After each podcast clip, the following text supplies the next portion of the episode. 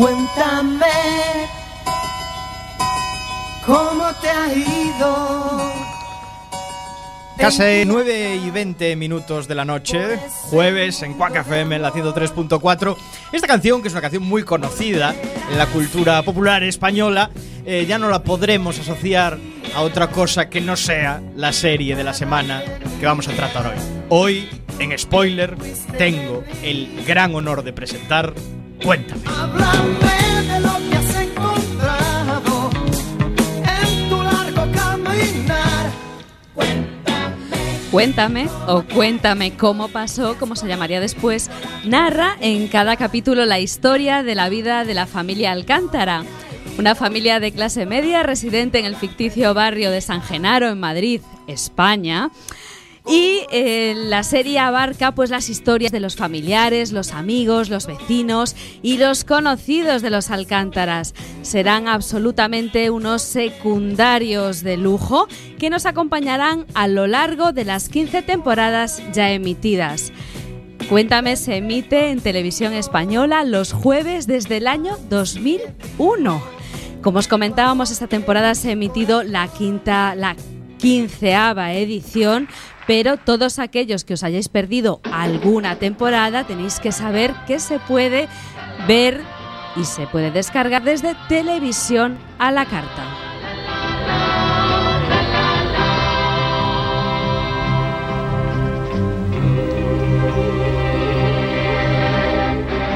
Yo canto a la mañana.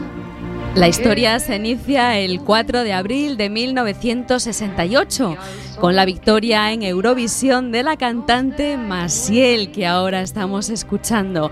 Se inicia con la llegada del primer aparato de televisión en blanco y negro al hogar de los Alcántara. Cuéntame nos adentra en las vivencias de la familia Alcántara y cómo éstas se inscriben dentro de los acontecimientos históricos que tuvieron lugar en España entre 1968 y hasta la transición española. Estos hechos se reflejan constantemente mediante la aparición de medios de comunicación de la época o bien por la implicación directa de los miembros de la familia en estos acontecimientos históricos. Ejemplos de la historia sociopolítica de la España de la época son, por supuesto, pues la muerte de Franco, el asesinato de Carrero Blanco, el escándalo del aceite de colza, la expropiación de Rumasa o incluso, claro que sí, el golpe de Estado del 23F. En la mayoría de las ocasiones se refuerza mediante el insertado digital de actores en grabaciones reales de la época, de manera similar a como se hizo en la película Forrest Gump, por ejemplo. Lo realmente interesante de Cuéntame es cómo se cuenta la historia a través de una gran analepsis desde un tiempo presente indefinido, como cuando ya adulto, Carlitos, uno de los hijos de la familia Alcántara, se transforma en el protagonista de facto de la serie. La voz en off de Carlos, del Carlos adulto, interpretada por el actor Carlos Hipólito, se oye al comienzo y al final de cada episodio, como también durante el capítulo, para explicarnos alguna situación, normalmente con un tono nostálgico. Explica algunos acontecimientos históricos reflejados en la serie, pero por supuesto también sobre los propios avatares de la familia Alcántara. España se rompe, Antonio. Se deshace. Tanto esfuerzo, tanto sacrificio para hacerla una grande y libre. ¿Y qué nos queda, eh, Antonio? ¿Me lo quieres decir?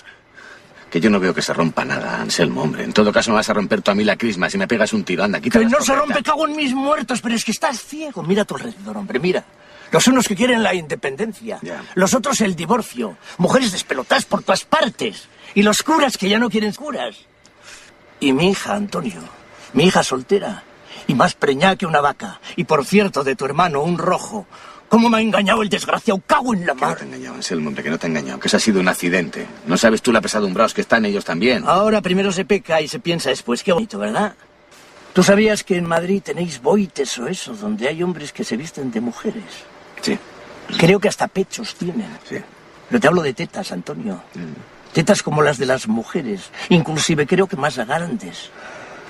Eh, ¿Tú sabes de lo que estoy hablando? Pues claro que sé de lo que estás hablando. ¿Y a ti todo eso te parece bien? No. ¿Tú que estás bien demócrata como todos esos borregos? Que vamos a ver, que yo no soy nada, Anselmo. Pero si los que mandan tiran a la democracia, pues no nos queda otra salida, ¿tú me entiendes? Ah, mira qué bonito. Entonces, como no te queda otra salida, para el verano que viene divorciado, por lo que veo. No, yo no me divorcio, hombre. Me voy a divorciar yo. Estoy muy a gusto con la mía. Pues eso es lo que nos espera con la puñetera democracia, Antonio. Divorcio. Y hombres que no son hombres. Y mujeres que se acuestan con quien les da la gana.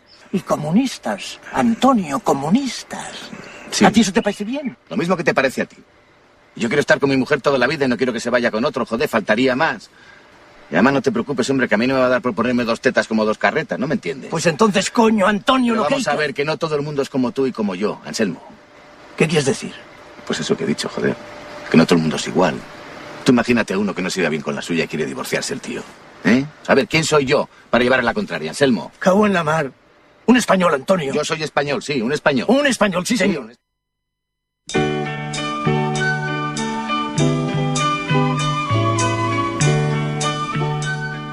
Antonio Alcántara, interpretado por Imanol Arias, se nos presenta como un hombre trabajador, padre de familia, fuertemente tradicional, y en el transcurso de la serie se convierte en una persona emprendedora y empresario de éxito.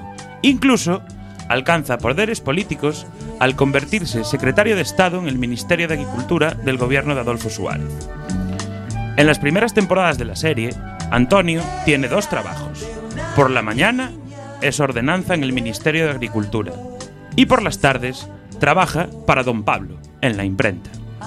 Es precisamente su estrecha relación con don Pablo lo que le hace cambiar de círculos de amistades y emprender un viaje personal que transformará su vida de cabeza de familia tradicional en un inquieto empresario de éxito. ¿Cómo es eso de que, que- que quiebra un banco? ¿Cómo quiebra un banco? Pues igual que quiebra una tienda de telas Alcántara o, o una churrería. Ya, ya, pero es que hay una diferencia entre una tienda de telas y una churrería y un banco, vamos. O por lo menos eso me parece a mí. Ya lo decía mi padre, don Antonio, que no hay banco bueno. Cállate la boca un momento, Pepe. Y entonces ha quebrado el banco y ya está. ¿Qué pasa ahora con el dinero de la gente? Bueno, con el dinero de la gente. ¿Qué pasa con mi dinero, Felipe? Con mi dinero y con la hipoteca que tengo con vosotros. Ese es el problema, Antonio. ¿Qué problema ni qué problema? Si lo que me tienes que decir es cuánto más voy a tardar en poder sacar mi dinero, que me la van a retener una semana. Pues, pues no lo sé, a lo mejor nunca. ¿Cómo que nunca? No me jodas, ¿estás hablando en serio? ¿Cómo que nunca? Mira, lo lo siento, lo siento de verdad. Si, si yo hubiera tenido la más mínima sospecha de que podía ocurrir algo así... Pero vamos a ver, no me jodas, Felipe. ¿Qué es eso de la más mínima sospecha? Pero si eras el director del banco, hombre, algo sabrías, ¿no? Sí, señor, soy el director, pero un bancario, ¿eh? no, no un banquero. Yo no tenía ni idea de lo que se estaba cociendo en la cúpula de arriba. Pero vamos a ver, joder, si, si yo también perdió todos mis ahorros. Pues te voy a decir una cosa, Felipe. Yo, si no tengo mi dinero, desde luego olvidaros de la hipoteca, porque no pongo ni un duro. Fíjate lo que te digo, ni un duro. Y ya está, lo comido por lo servido. Eso, eso no puede ser, ¿no, Antonio? ¿Cómo que no puede ser? Claro que puede ser. Mi- esa, esa hipoteca que firmasteis ahora mismo pertenece al Banco de España. ¿eh? Entonces tendréis que pagársela a ellos. ¿Cómo que pertenece a Vamos a ver, Felipe, me estás queriendo decir que, que- que- que de lo mío tengo que olvidarme, pero de lo vuestro no. Eh, Está el Fondo de Garantía Interbancaria. El fondo cubre una parte. ¿El cuánto cubre el fondo? Bueno, eh, hasta 500.000 pesetas. Pero, ¿Pero qué me dices? Si tengo 15 millones de depósito y 15 millones de hipoteca, ¿qué me estás diciendo? Ya, ya, ya lo de sé. 500.000 pesetas. Ya lo sé, Antonio. Ya juro que si hubiera tenido la más mínima idea, ¿eh? Pero la más mínima idea de que esto iba a ocurrir, yo te habría avisado. ¿Y cuándo? ¿Cuándo me vas a avisar, Felipe? ¿Cuándo me avisas? ¿O es que la quiebra de un banco se fragua así de la noche a la mañana? Uno de los sucesivos negocios que tiene Antonio es el aceite de oliva. Esto servirá para reflejar la crisis que sucedió en España con el aceite de colza adulterado que afectó a más de 20.000 personas en el año 1981. Antonio es un hombre hecho a sí mismo. No es franquista, pero tampoco quiere meterse en líos políticos. Cuando llega la democracia, es uno de los impulsores de UCD, realizando importantes aportaciones dinerarias para formar el partido. Antonio es un gran defensor del presidente Adolfo Suárez y nunca llegará a comprender cómo sus compañeros de, de partido se desvinculan del presidente cuando llega el hundimiento de UCD después de las elecciones municipales de 1979. ¿Hay algo que me queráis contar? Precisamente por eso he venido a Madrid. De eso quería hablarte, Mercedes. ¿Qué quieres decir? He venido por Inés. ¿Pero es que le pasa algo? Eh, mamá, ¿por qué no te sientas? Eh? Que tenemos que hablar. ¿Tenemos que hablar de qué? De Inés. De Inés. Siéntate, Mercedes. Siéntate. Es que no me quiero sentar. ¿Me vais a decir lo que pasa o no? Inés. Eh, Inés tiene un problema. ¿Qué clase de problema? No, tiene un problema grave, Mercedes. Y va a necesitar toda nuestra ayuda. Inés se droga, mamá. ¿Pero qué quieres decir? ¿Que fuma? No, mamá no fuma. Se droga.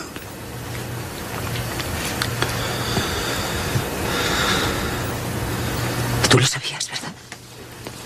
¿Y a qué estabas esperando para contármelo? ¿A qué? Mamá. Pues que no me lo pensabas Mamá. contar. He hecho todo lo que he podido. ¿Y qué clase de droga? Heroína. ¿Heroína? Pero heroína. Heroína es la droga más fuerte de todas. Mamá, no se sabe mucho sobre la heroína. No nos precipitemos. Lo vi en aquella película de Frank Sinatra. Virgen Santísima. Mi hija.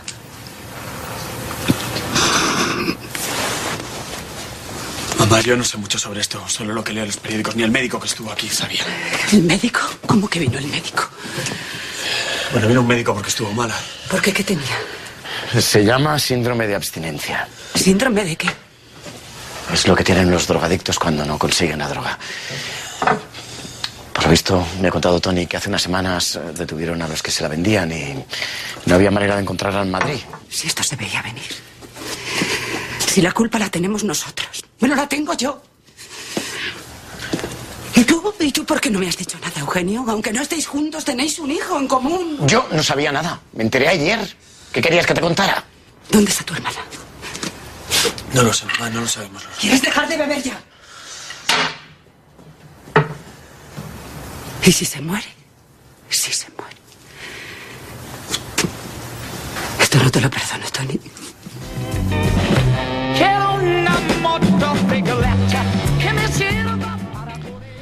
Esta era nuestra querida Merche, Mercedes Fernández, interpretada por Ana Duato. Casada con, Antón, con Antonio, se nos presenta como ama de casa, madre de familia y mujer tradicional. Los cambios que se producen en España la llevarán a convertirse en una emprendedora, una mujer moderna que rompe con los clichés de la época. Mercedes cambia radicalmente cuando, a su edad, empieza los estudios de economía en la universidad. Allí entra en contacto con grupos feministas y empieza a implicarse en cuestiones políticas. Es el reflejo de la mujer moderna de su época. Aunque este desarrollo personal de Mercedes hará mella en su matrimonio con Antonio Alcántara. Con esta nueva mentalidad y con el transcurso de la serie, Merche se convierte en el verdadero motor de la familia. Es capaz de sacar adelante su familia solucionando las crisis y los problemas. Un ejemplo de ello es como la familia afronta la adicción de Inés, que acabamos de escuchar. Inés es la hija mayor. Si Antonio está totalmente desdibujado y con una profunda depresión, Mercedes toma el control de la situación e incluso va más allá, creando asociaciones contra la dro- drogadicción, una lacra social de los años 80. ¿Estás bien? Sí, mamá, estoy bien. ¿Qué ha pasado? Venga, contesta a tu madre. Dile la que habéis liado tú y tus amigos. Pues no hemos hecho nada malo. Nada malo. A ver, ¿qué habéis hecho? Nada, estábamos ahí en la manifestación. Sin permiso. Bueno, sí, sin permiso, y había mucha gente y todos hablaban a los ingleses, Gibraltar español. ¿Y vosotros qué hicisteis? Pues nada, como ya no gritaba nadie más, nos pusimos a gritar nosotros. ¿Y qué gritasteis? A ver. Pues primero abajo el imperialismo, y luego ingleses mariquitas. Pero no me extraña que te haya pillado la policía. Hijo, ¿cómo se te ocurre decir eso de los ingleses? Si no ha sido por eso, Merche. Venga. Dile a tu madre que gritasteis después. Venga. Pues nada, bajo la dictadura. ¿Qué? ¿Eso gritabais en medio de la manifestación de Gibraltar? Mira qué gracia le hace el otro tonto, hombre. Tu padre tiene razón, ¿eh? A ver, lo que faltaba. A ver, y sigue. Pues nada, nos gritamos eso, se nos echaron encima unos policías y nos metieron en un coche. Pero no me extraña. Pues claro. Lo que tiene de malo gritar eso. Pero ¿cuántas veces te he dicho que la palabra dictadura es una palabra fea y que no tienes que repetirla? Que es una palabra fea y que no tienes que repetirla. Es que como yo pensé que los ingleses también eran malos, pues yo pensé que eran de la dictadura. Así mismo le soltó la comisaría Merche, que casi le cruzo la cara. Y no vean la que se ha montado. Total, que el comisario, que era un gordo así que te miraba como un jabalí, se ha venido para mí, me ha encerrado y me ha tenido frito a preguntas. Que si dónde estudia este, que si qué hace, que si quiénes somos, que si dónde trabajo, Merche, que si controlo los materiales que salen de la imprenta, oiga, a mí qué cuenta. Bueno, total, me he quedado tan sorprendido que seguramente no se ha quedado conforme porque me ha dicho que va a necesitar otro día para hacerme más preguntas todavía. Anda, lárgate que no te quiero ni ver. Lárgate. Cenar. Que te largues que no te quiero ni ver. Lárgate. Vete ahora mismo a la cama. Ahora te llevo yo un bocadillo. Y la próxima vez que en esta casa se hable de política, os echo. Estoy harto ya. Ahí terminó mi breve pero azarosa campaña contra los ingleses. Los planes para atacar el Peñón quedaron en el olvido y poco a poco fui perdiendo interés en la lucha contra el imperialismo. Sin embargo, nuestros esfuerzos patrióticos no habían sido en vano. Durante un tiempo, mis amigos y yo fuimos la pandilla más temida del barrio. Al fin y al cabo, éramos enemigos públicos, carne de presidio, forajidos peligrosos fichados por la policía.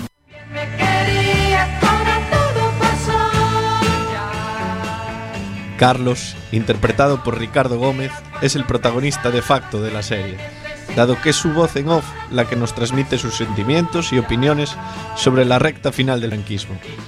Como comparte habitación con su hermano mayor Tony, Carlitos escuchará y aprenderá ciertas cosas demasiado pronto para un niño de su corta edad. Carlos abandona los estudios universitarios en ICADE para hacer la mili. Allí va a conocer a su futuro socio, Felipe. Juntos planean montar un bar de copas en plena movida madrileña. El boom cultural de Madrid de los 80 se ve reflejado a la perfección en su local, el Fly. Pronto llegarán los problemas con su socio relacionados con la vida nocturna. Cuéntame narra realmente la vida de Carlitos, pero la serie no se podría comprender sin la carga histórica que empaquetan todos y cada uno de sus episodios. En todos se relacionan los hechos ocurridos con la ficción de los Alcántara. Realmente, la serie evoca el imaginario colectivo del país en un esfuerzo por recordar las raíces y tradiciones de nuestra sociedad. Pronto. Tony, soy papá. Hombre, papá, qué alegría. ¿Qué tal? Estaba cenando algo. ¿Cómo estáis? Pues regular, hijo. Regular. Te estoy llamando desde el bar de Carlos y Felipe. Porque no quiero hablar desde casa. ¿Por qué ha pasado algo? ¿Está bien la abuela? No, no es la abuela. La abuela está bien. Es mamá. ¿Qué le pasa a mamá? Está mal, hijo. Muy mal. Oye, papá, no me asustes. ¿Qué le pasa? Que tiene cáncer, hijo. ¿Cómo que tiene cáncer? Sí. Cáncer le van a tener que quitar el pecho. ¿Cuándo? No, no sé cuándo le van a operar, pues cuanto antes, la semana que viene, lo más tardar. Sí, hijo, sí. A mamá la van a tener que operar del pecho, hijo. ¿Ella sabe algo? No, mamá no lo sabe. Ella cree que tiene algo sin importancia. Acabo de estar ahora con un ginecólogo, el mejor que hay en Madrid, y me ha dicho que ese es el diagnóstico. Que hay que operar, cortar el pecho, vaciar y que luego le van a dar cobalto y, y- y no sé cuántas cosas más. Bueno, yo me voy al aeropuerto y cojo el primer avión que pueda, ¿eh, papá? Espera, Tony. Tony, Tony, espera. Que están aquí Inés y Carlos, hijo. Y no vengas, Tony, hijo, no vengas porque entonces se va a dar cuenta de que tiene algo malo. Tú haz tus cosas y espera que yo te llame. Bueno, yo me voy al aeropuerto y me cojo ¿eh, papá? Yo te llamo, hijo, yo te llamo. Tú espera que yo te llame.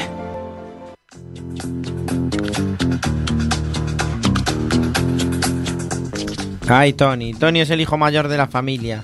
En la primera temporada acaba de comenzar sus estudios universitarios, siendo el primer Alcántara que irá a la universidad a estudiar Derecho. Allí entra en contacto con grupos antifascistas y empieza su lucha contra el franquismo. Es detenido incluso en varias ocasiones por la policía franquista y torturado por el comisario Ávila. Fue sentenciado por el Tribunal de Orden Público por delitos subversivos, aunque los contactos de su padre a través del mítico Don Pablo harán que salga pronto de la prisión. Cuando termina la carrera y ya con la dictadura caída, comienza a trabajar en un despacho laboralista que poco después eh, un grupo de ultraderecha quemará y destrozará. Tony, un poco asustado, decide apartarse de la labor y entra en contacto con el redactor jefe de un periódico, convirtiéndose poco a poco en un auténtico periodista político. La serie aprovecha este rol de Tony para narrar los acontecimientos más relevantes de la época como el 23F, cuando Tony eh, está cubriendo el nombramiento de Calvo Sotelo y vive en primera persona el golpe de Estado de Tejero en el Parlamento. Documentación, por favor. Eh, señora, documentación. Sí. Hija, tu documentación. yo también. No pasa nada, hombre, que no pasa nada, que solamente están pidiendo la documentación. Está tranquilo. Antonio Alcántara. Sí, yo soy Antonio Alcántara. ¿Pero por qué me dice que esta señora es su hija si se llama María Isabel Martínez? Le he dicho yo que es mi hija, si es que...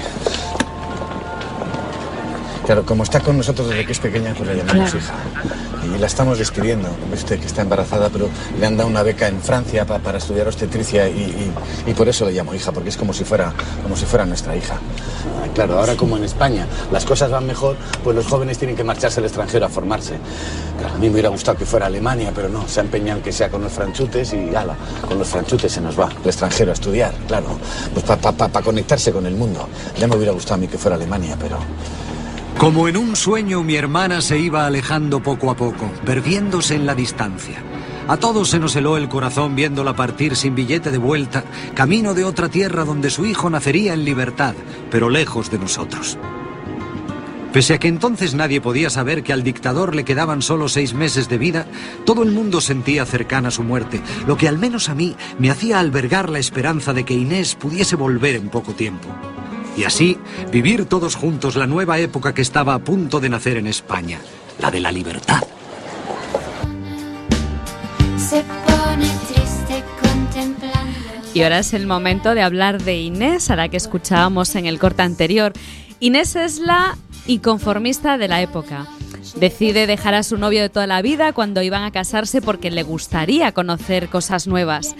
Inés no pudo ir a la universidad porque en aquel momento era necesario que trabajase una peluquería para la familia, pero pronto ahorrará lo suficiente para irse a Londres. Allí Inés conocerá de primera mano el movimiento hippie, lo que traerá verdaderos quebraderos de cabeza a su familia cuando decide irse a vivir a una comuna en Ibiza. A su regreso a Madrid, estudia arte dramático para cumplir su sueño de ser actriz y en su vida personal acaba casándose con el cura del barrio de San Genaro, con don Eugenio. Efectivamente, don Eugenio deja los hábitos para casarse con Inés. Bueno, el que es cura es cura para. Sus amistades teatrales la terminan relacionando con un miembro de ETA, lo que llevará a Inés a la prisión para mujeres de yesería.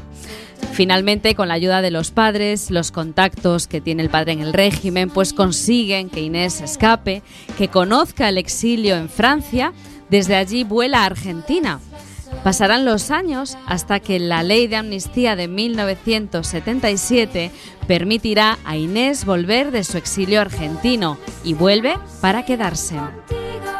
No le vayas a decir a papá que te quiere volver a Madrid, ¿eh? Que se va a llevar un disgusto muy grande. Ay, con lo contento que está él de vivir aquí. Te voy a contar una cosa.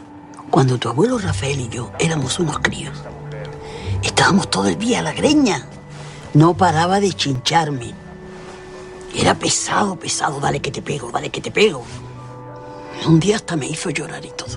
Entonces yo, ya harta, me puse muy seria y lo mandé a hacer puñetas. Él entonces me miró fijamente y muy serio también me dijo, entonces es que ya no nos vamos a volver a ver nunca más. ¿Sabes por qué era? Porque quería llamar mi atención, porque yo le gustaba. ¿Y por eso te chinchaba? Claro. Dice el refrán que dos que muchos se pelean, muchos se desean. Entonces, ¿tú crees que le gusta Pepón? Mm-mm. Pero a mí no me gusta, ¿eh?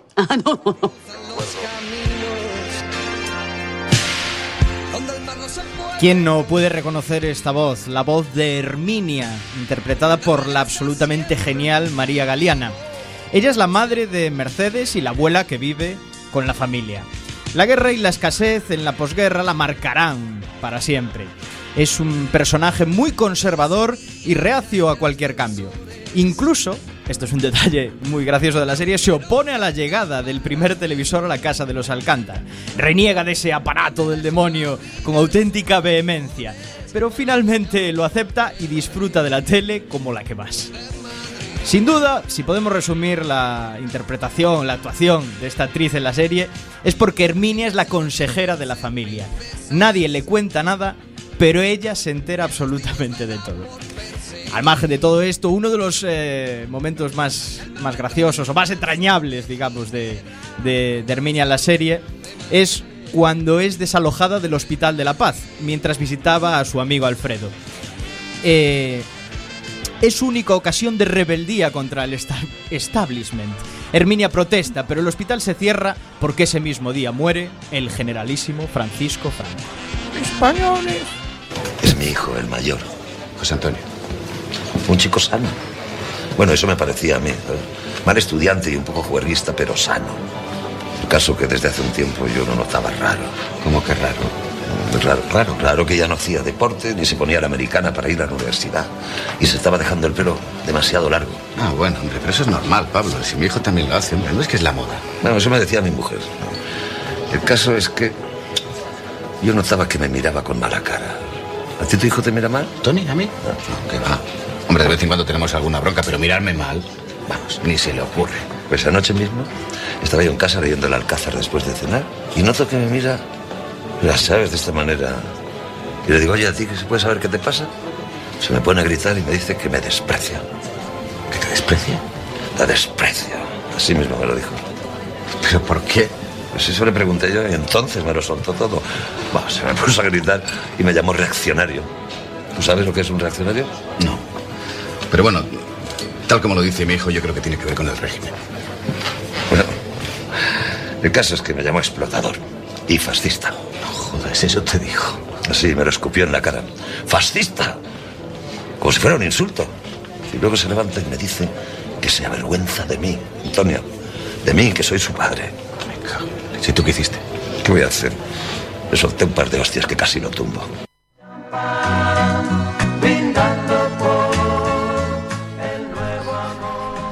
Este era don Pablo hablando con Antonio, interpretado por el magistral don Pepe Sancho. Es el dueño de la imprenta donde trabaja Antonio. Luchó en la guerra civil en el bando franquista, consiguiendo el rango de alférez. Vive como parásito del régimen y aprovecha cualquier negocio para dar un buen pelotazo. Es un franquista declarado y se enorgullece de ello. Enseguida migra hacia el pujante negocio inmobiliario para obtener mejores beneficios aprovechando el boom de los 70. El exper- experimento terminará mal, con problemas como la evasión de impuestos. El caso más grave que tendrá que afrontar don Pablo como promotor será la deficiente construcción de la urbanización de Los Ángeles de San Rafael, donde murieron 57 personas y otras 150 resultaron heridas de gravedad. Don Pablo es el mentor de Antonio y al mismo tiempo el causante de los peores momentos de la familia. Antonio siempre intenta aprender algo de don Pablo. Don Pablo le enseña sobre el mundo empresarial, pero será Antonio, con la llegada de la democracia, quien finalmente le acabe prestando ayuda, invirtiéndose los papeles. Bueno, la verdad es que lo mío no es dar discursos. Lo mío es arreglar cosas que no funcionan, como por ejemplo los pies o los electrodomésticos.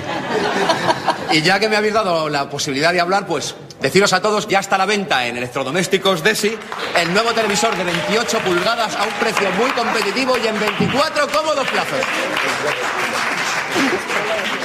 No, en serio, agradeceros a todos que hayáis venido. Sabéis que Clara y yo teníamos poca familia y que vosotros para nosotros es como esa familia que no tenemos. Y sobre todo, darle las gracias a Antonio y a Mercedes por todo lo que han hecho por nosotros. Y decir que a lo mejor si no hubiera sido por ellos, pues no estábamos aquí. Gracias, Antonio.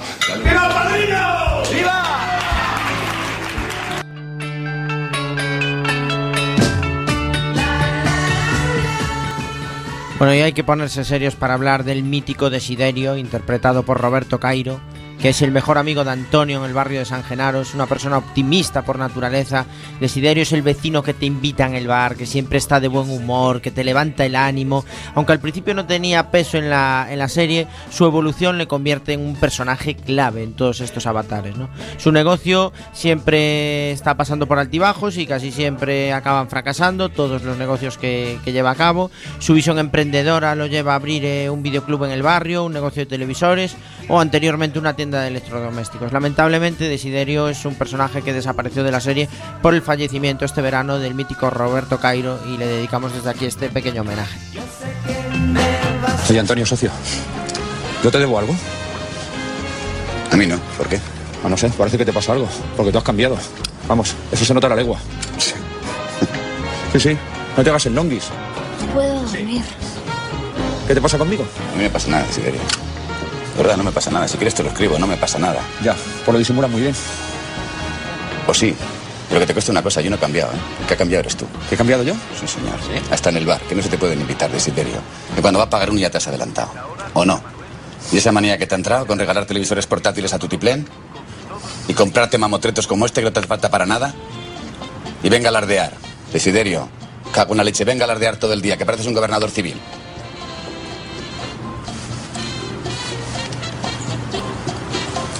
Perdona. Perdona.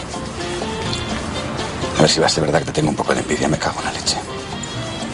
No me mires así, ¿eh? Que ¿Cómo no va a ser verdad? Joder, si es que vi 1850 y veo mamotreto este tuyo como hoy y se me revuelven las tripas de sí. ¿Qué quieres que te diga, chico? Eso yo me alegro mucho que te vaya muy bien en el negocio. Me cago en la mar, eso te lo juro por mi familia. Soy el primero en alegrarme. Porque aunque hago colección no tengo muchos amigos, Desi. Y que me aguanten menos. Y tú eres mi mejor amigo, ¿entiendes? Y como eres mi mejor amigo, pues... Sí, el que te tiene envidia soy yo. Lo único que tengo es miedo. Del barullo este que me he metido. A ver cómo salgo, ¿ves? Cuéntame. Tú que has vivido. Bueno, chicos, y la conclusión la voy a poner yo hoy. Esta es la conclusión mía y además personalísima sobre Cuéntame.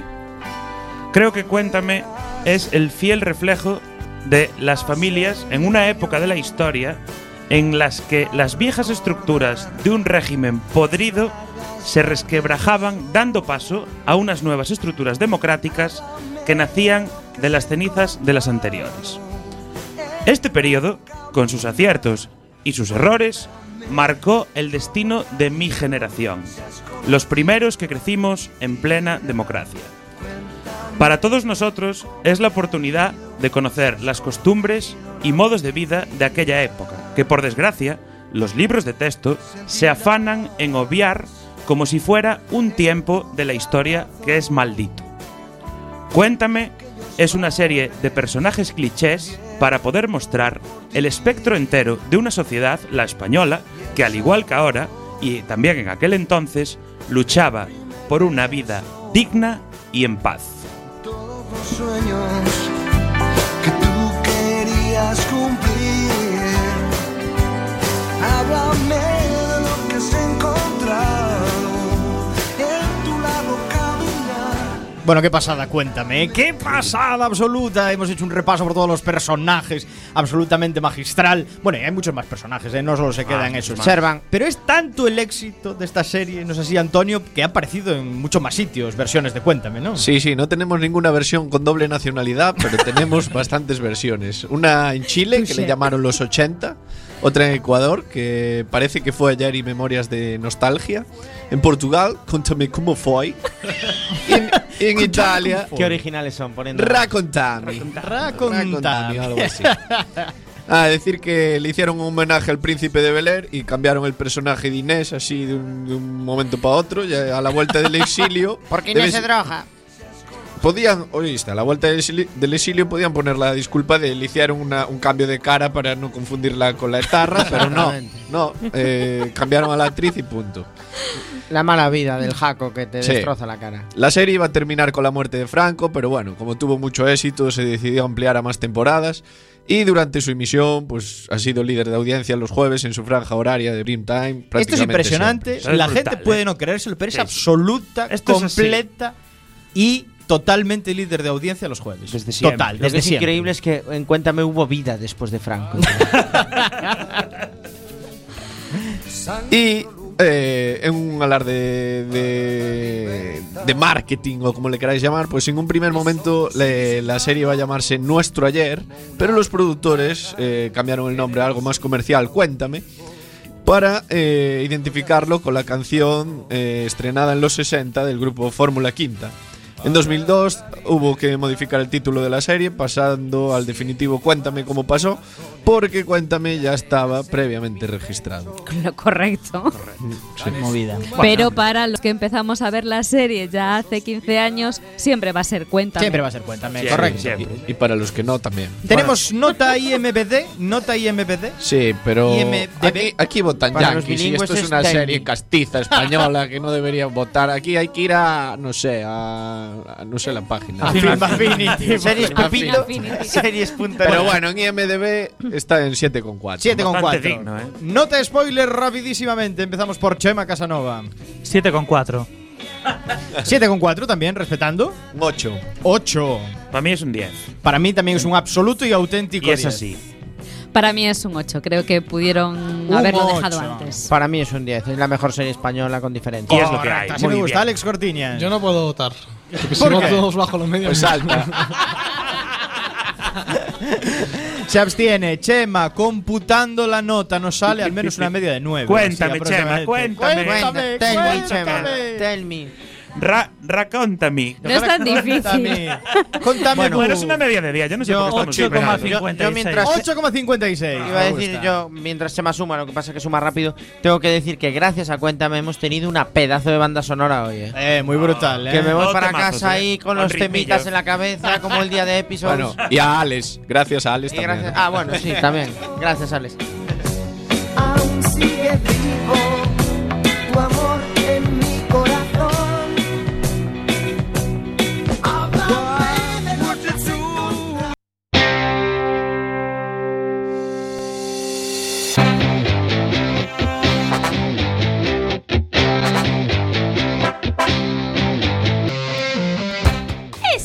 Chegou a Isto é Galego a psicodelia, a poesía, os intelixentes picadiños e as palabras xeitosas. Xa chegou a Isto é Galego a sección de adiviñar a palabra. Empecemos preguntándolle os que máis saben, os cativos.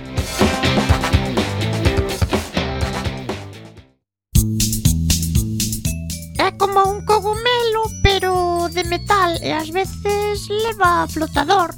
E gustalle moito dar voltas e peitease cun rayo medio. A, a, al, algúns son, son relixiosos.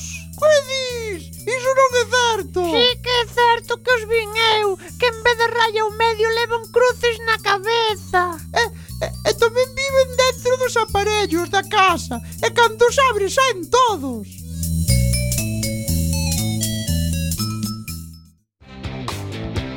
Ui, ui, ui. Estes cativos son xo demo. Nunca sabes por onde che van sair. Mellor será que deamos a seguinte pista. Nela intervirán dous participantes que nos dirán todos os lugares onde se lles ocorra que poderemos atopar a cousa que buscamos.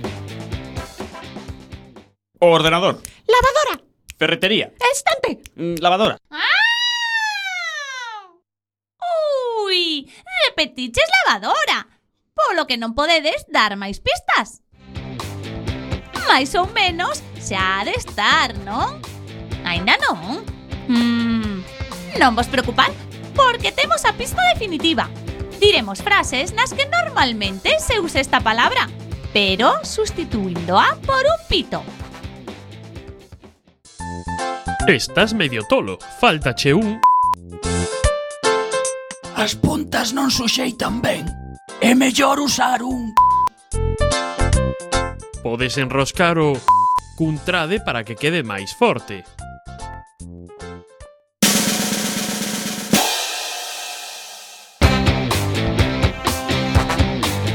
Ui, que xa ouvin alguén dicilo. Que? Pois claro que sí, un parafuso, esa peza de metal ou madeira corpo en forma de rosca que ao facela xirar sobre si sí mesma se introduce nunha superficie. O se gustou! Pero como sempre, acabamos por adiviñalo. Xa estou desexando que chegue o seguinte capítulo e con el un novo reto.